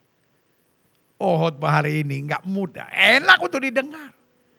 Tapi nggak mudah untuk dipraktekkan. Tapi biarlah hari ini kita mempraktekannya. Sehingga kita mengerti keunikan salib Kristus itu. Haleluya. Dan yang kelima yang terakhir. Keunikan jalan Allah yang kita terima dari salib. Yang kelima saya pelajari. Haleluya. Dalam pemberontakan ada ketaatan. Di salib ada pemberontakan. Pemberontakan seorang yang bernama Yudas. Pemberontakan seorang yang bernama Petrus yang berkata, aku tidak kenal dia. Pemberontakan dari orang-orang Yahudi yang berteriak, salibkan dia, salibkan dia. Pemberontakan dari Pilatus yang mencuci tangannya pada tahu kebenaran. Tapi ada ketaatan Kristus yang berkata biar bukan kehendakku yang jadi. Melainkan kehendakmu yang terjadi. Dunia di mana kita hidup. Ada begitu banyak pemberontakan-pemberontakan yang menyakitkan di sekitar kita. Tapi pastikan. Kita tetap jadi orang-orang yang taat. Sekali Yesus tetap Yesus. Mungkin jiwa kita sedang memberontak. Saya nggak bisa terima pendeta saya disakiti oleh suami saya. Saya nggak bisa terima pendeta saya disakiti oleh mertua saya. Saya nggak bisa terima saya disakiti oleh orang di sekitar saya. Saya nggak bisa terima. Papa dan mama saya menyakitkan hati saya. Mereka membanding-bandingkan saya dengan cici saya, dengan koko saya, dengan kakak saya, dengan abang saya. Mungkin itu yang terjadi hari-hari ini. Jiwamu mau berontak. Tapi memandang salib. Kita berkata, penderitaan yang saya harus lewati. Tidak ada apa-apanya jika dibanding dengan salib. Mungkin kau sedang berontak. Kalau Tuhan itu baik, kenapa penyakit saya belum disembuhkan? Iblis mau jiwa kita penuh dengan pemberontakan-pemberontakan, tapi salib mengarahkan kita pada ketaatan. Tuhan aku percaya, Engkau tidak pernah meninggalkan aku. Tuhan aku percaya yang terbaik Tuhan berikan pada aku. Tuhan aku percaya. Tidak pernah engkau mempermalukan aku. Setiap mata terpejam. Setiap kepala tertunduk. Hari ini saya percaya. Tuhan sedang mau mengarahkan kita pada keunikan salib. Karena salib membuktikan jalan Tuhan itu unik. Ada banyak hal kita tidak mengerti tapi jangan berontak. Ada banyak hal kita tidak mengerti tapi tetap taat. Ada banyak hal kita tidak mengerti tapi tetap mengasihi. Ada banyak hal kita tidak mengerti. Tetapi, tetapi tetap kita percaya ada pemulihan dalam Tuhan. Aku punya Tuhan yang besar Amin.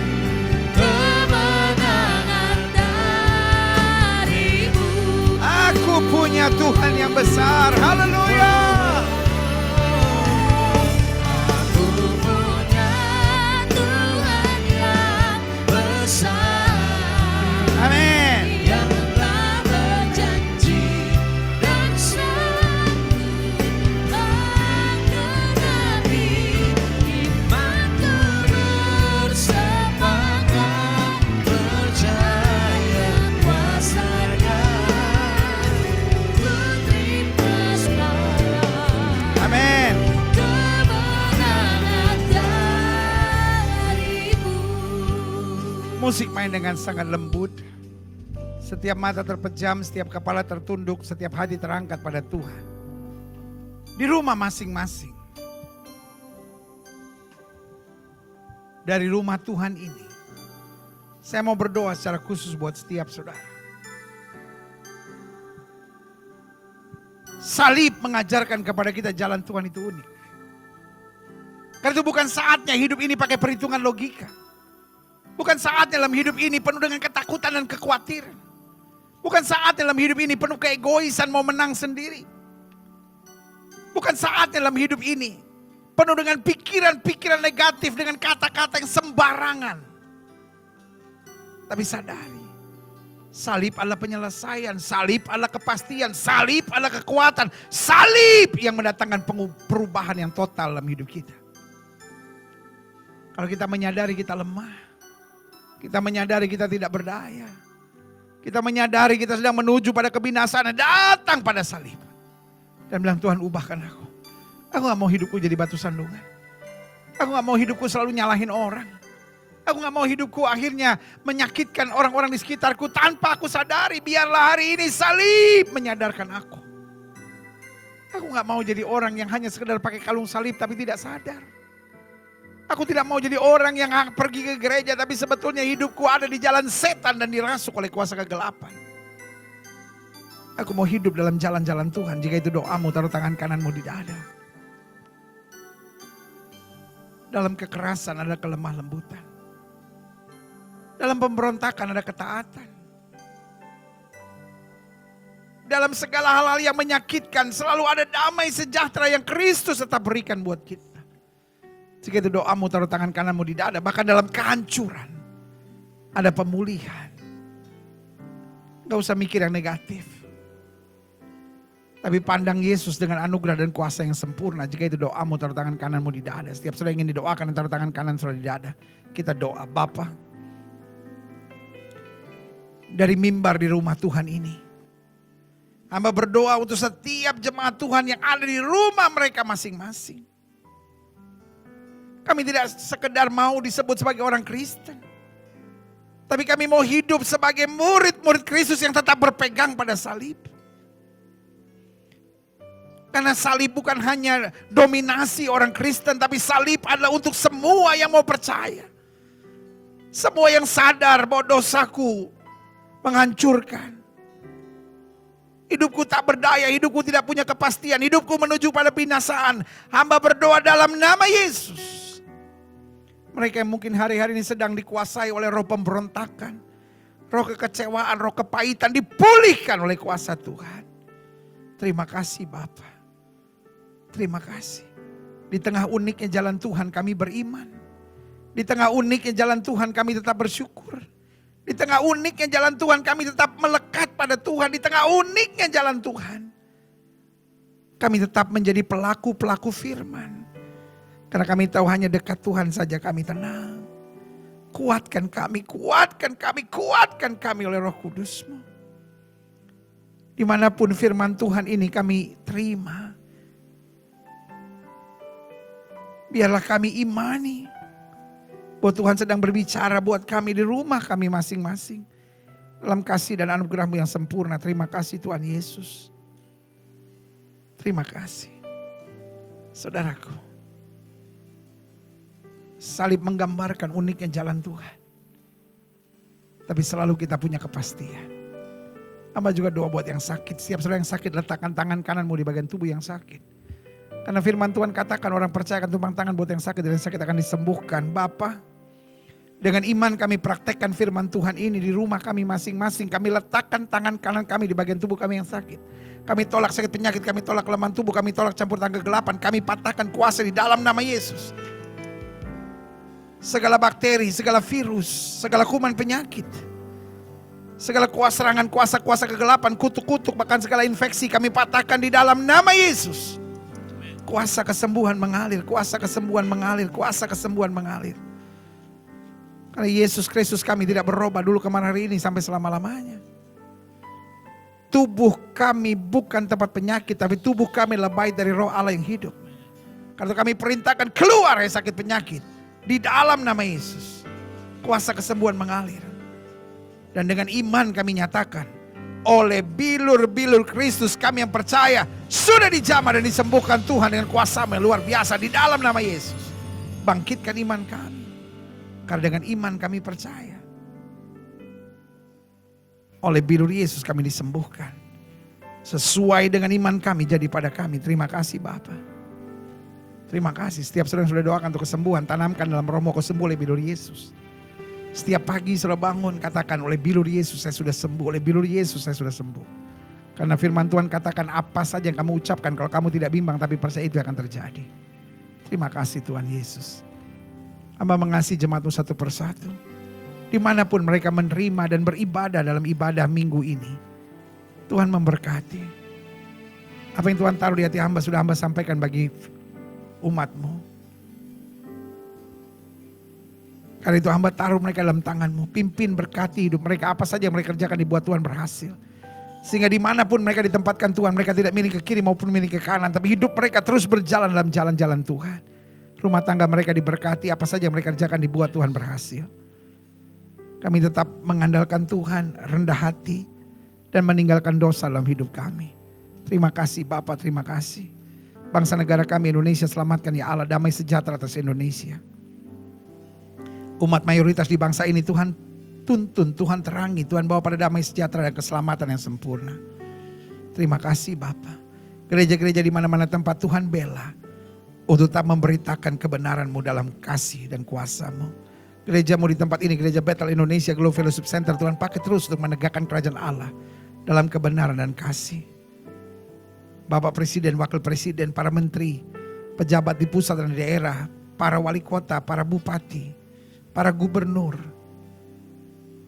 bahkan Kapolri, BNPB, BNPT, Panglima TNI. Kami ucapkan berkat di dalam nama Yesus. Sehingga mereka selalu dipimpin oleh hikmat Tuhan. Dalam setiap keputusan-keputusan yang harus mereka ambil. Dalam setiap rapat-rapat yang harus dijalankan. Tuhan nyatakan kemuliaan Tuhan. Sehingga banyak hal-hal baik terjadi di bangsa ini. Setiap dukun paranormal, kuasa-kuasa kegelapan yang mau mendekat kepada kekuasaan, kami tolak, kami patahkan di dalam nama Yesus. Kasih Tuhan atas bangsa ini. Kami berdoa buat para dokter, para suster, para bruder, para petugas medis. Kami ucapkan berkat di dalam nama Yesus. Hari-hari ini mereka benteng terakhir untuk pertahanan COVID-19 ini ya Kristus. Nyatakan kemuliaanmu. Jauhkan bangsa ini dari mafia-mafia obat, mafia-mafia alat kesehatan mafia-mafia yang bermain justru mencari keuntungan di tengah situasi pandemi dalam nama Yesus. Bebaskan bangsa ini. Provokator-provokator yang mau mengadu domba di saat-saat seperti ini. Roh pemecah belah, roh divide et impera kami patahkan dalam nama Yesus. Indonesia tetap bersatu. Segala rekayasa-rekayasa kerusuhan adu domba kami tolak, kami patahkan dalam nama Yesus. Apalagi menjelang pilkada serentak 9 Desember. Tuhan tolong bangsa ini. Sehingga hanya yang terbaik yang akan terpilih sebagai pemimpin dalam kasih karunia Tuhan. Kalau kami melihat yang terjadi hari-hari ini. Di tengah pandemi ini. Angka-angka di depan-depan kami.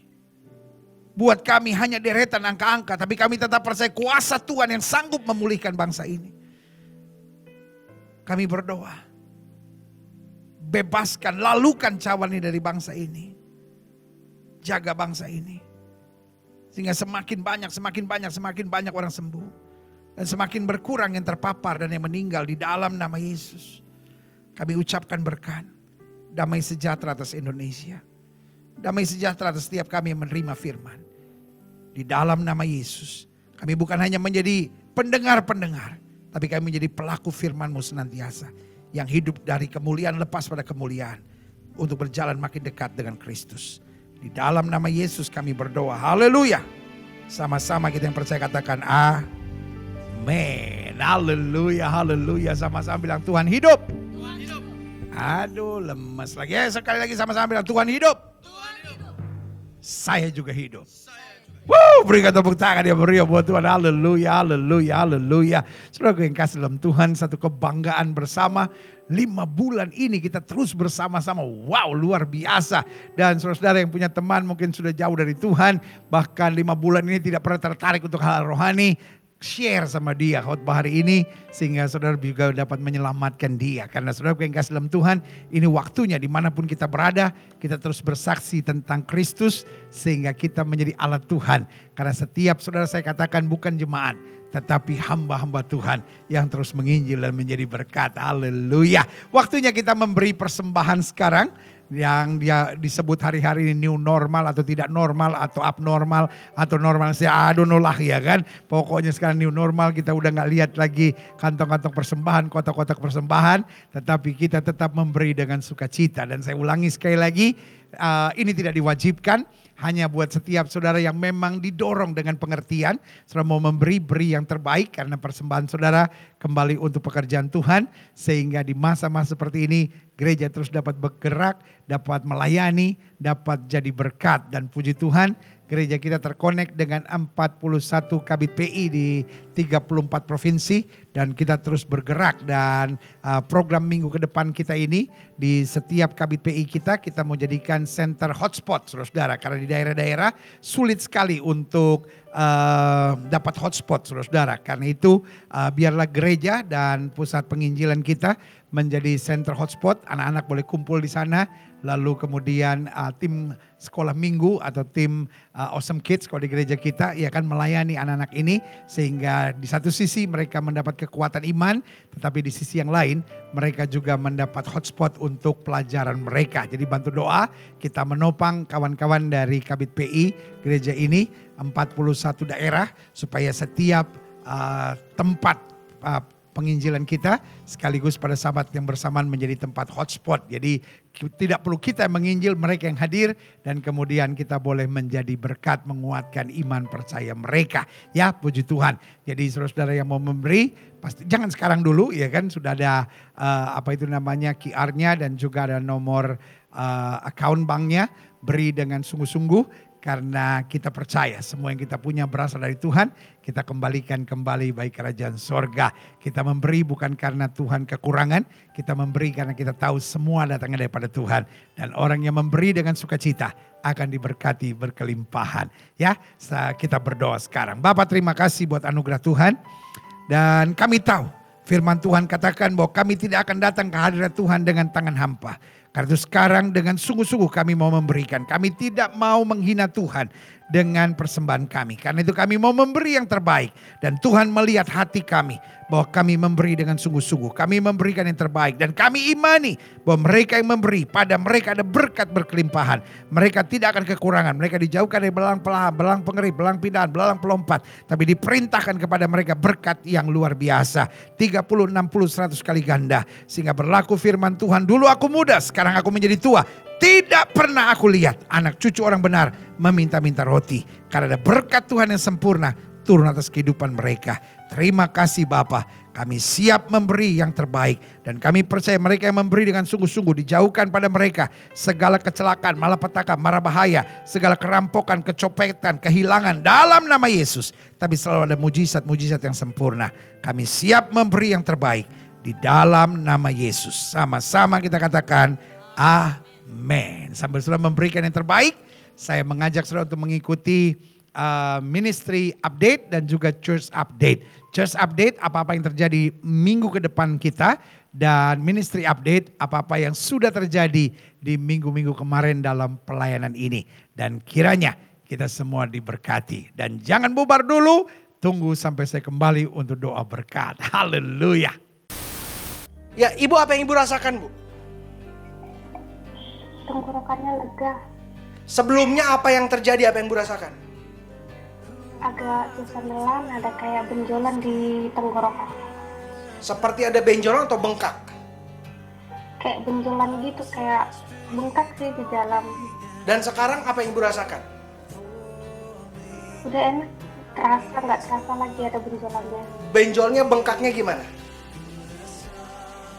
udah udah rata gitu nggak ada lagi Tadinya ada benjol. Ya sesak aturan biasanya sesak gitu Siapa yang sembuhkan ibu? Yesus Haleluya, haleluya. Tuhan berkati, Bu. Iya. Shalom, Bu. Apa apa yang ibu rasakan, Bu?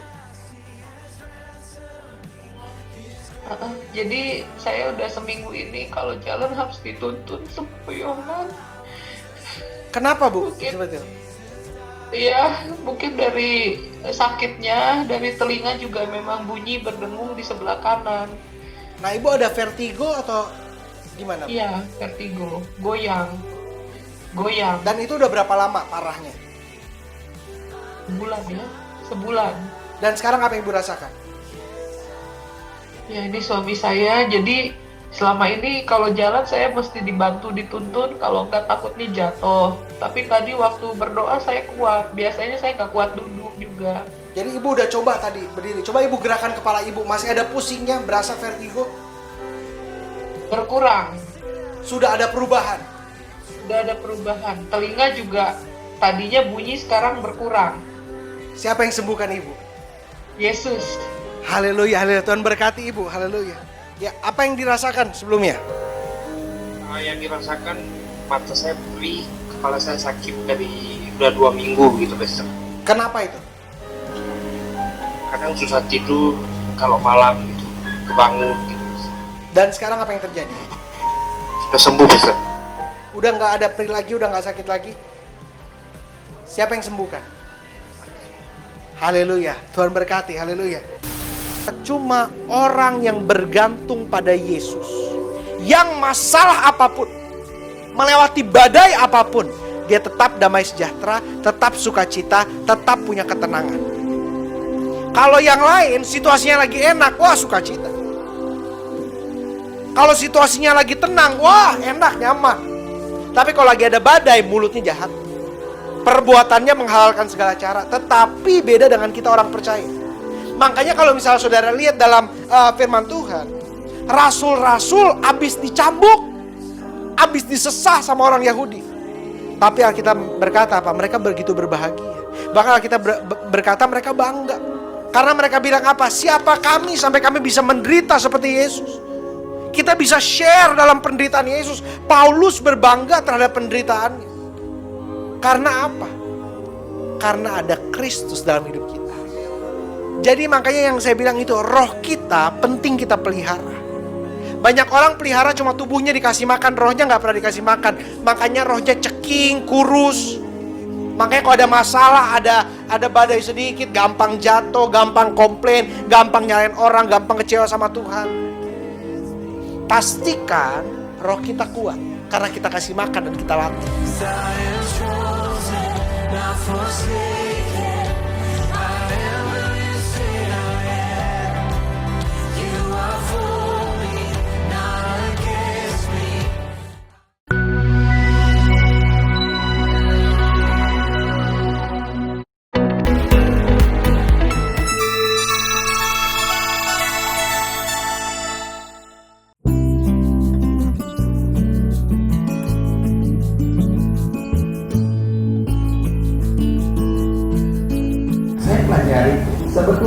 Inti pelayanan itu cuma ini kalau kita punya hati hamba gampang aturnya, gampang bersamanya, gampang kerja kerasnya, gampang lakukan yang terbaiknya. Kenapa? Karena spirit kita spirit hamba.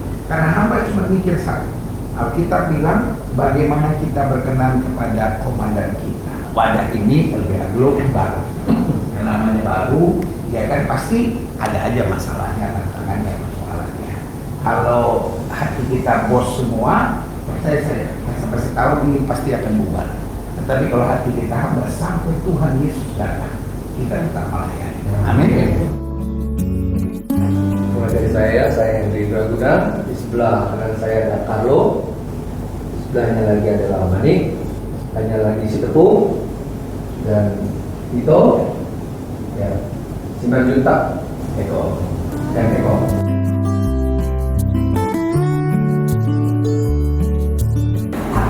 Pendirian perhimpunan Lembaga Bantuan Hukum Lose pada hari ini, Rabu,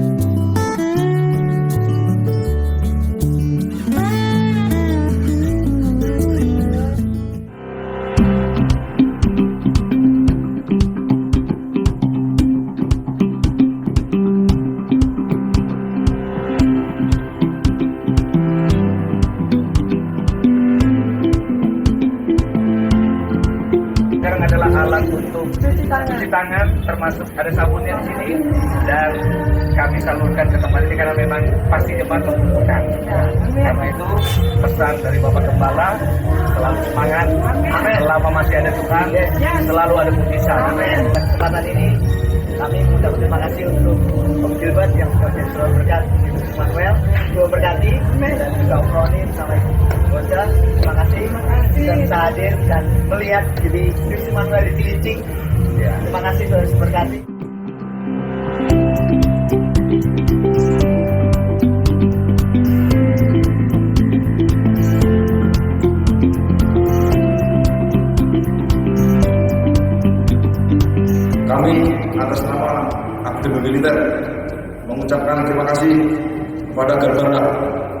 Sama tim Gereja Akademi Militer sudah berhasil. Kamu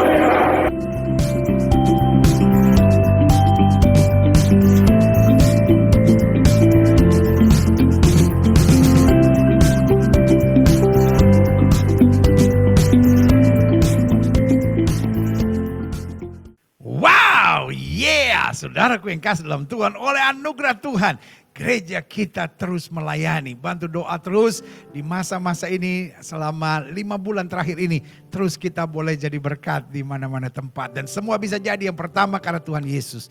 Yang kedua karena pelayan-pelayan Tuhan di gereja ini sungguh luar biasa. Dan yang ketiga karena jemaatnya bergandengan tangan dan terus bekerja baik kemuliaan Tuhan. Pastikan kita mentuntaskan kerajaan Allah dan kita mentuntaskan amanat agung Kristus untuk pergi jadikan sekalian bangsa murid Kristus. Haleluya. Krisman, Ella dan tim musik, haleluya. Ini saatnya kita menaikkan doa penutup kita. Haleluya. Bapak terima kasih buat anugerah Tuhan. Terima kasih buat kasih karunia Tuhan. Kami sudah diberkati baik dengan puji-pujian, baik dengan firman-Mu, dan baik dengan hal-hal yang kami terima hari ini. Dan biarlah kami terus bertumbuh dalam terang Tuhan. Bahkan kesempatan luar biasa kami juga sudah memberi untuk Tuhan dan kerajaannya. Kami percaya betul berkat Tuhan akan luar biasa dalam kehidupan kami. Berkat jasmani, berkat rohani yang turun dari sorga berlaku atas kehidupan kami. Kami tidak miring ke kiri maupun miring ke kanan. Tapi berjalan terus berkenan kepada Tuhan. Sehingga berlaku firman Tuhan adalah gembalaku, takkan kekurangan aku. Engkau selalu membaringkan aku di padang rumput yang hijau mata air yang tenang oleh karena namamu. Biar gadamu dan tongkatmu senantiasa menjadi penghiburan buat kami. Di mana pun kami berada, kami jadi berkat. Dan setiap kami dapat berkata, keluargaku adalah sorgaku. Terima kasih Bapak, terima kasih. Dan akhirnya, saudara-saudara sekalian, kekasih-kekasih Kristus, permata hatinya Kristus, ingatlah bahwa Tuhan itu baik.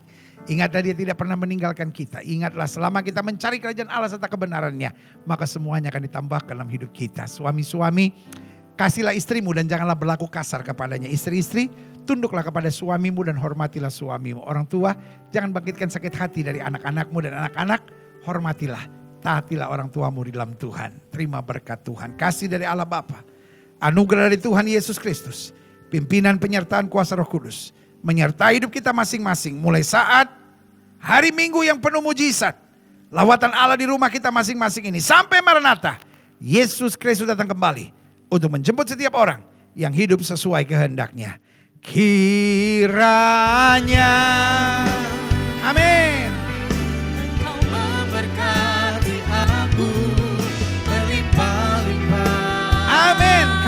Imani dalam hidup kami.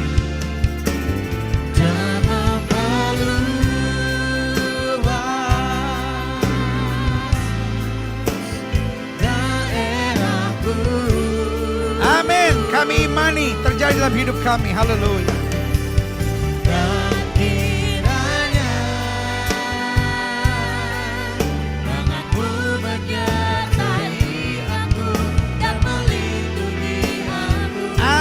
Kami imani terjadi dalam hidup kami. Haleluya.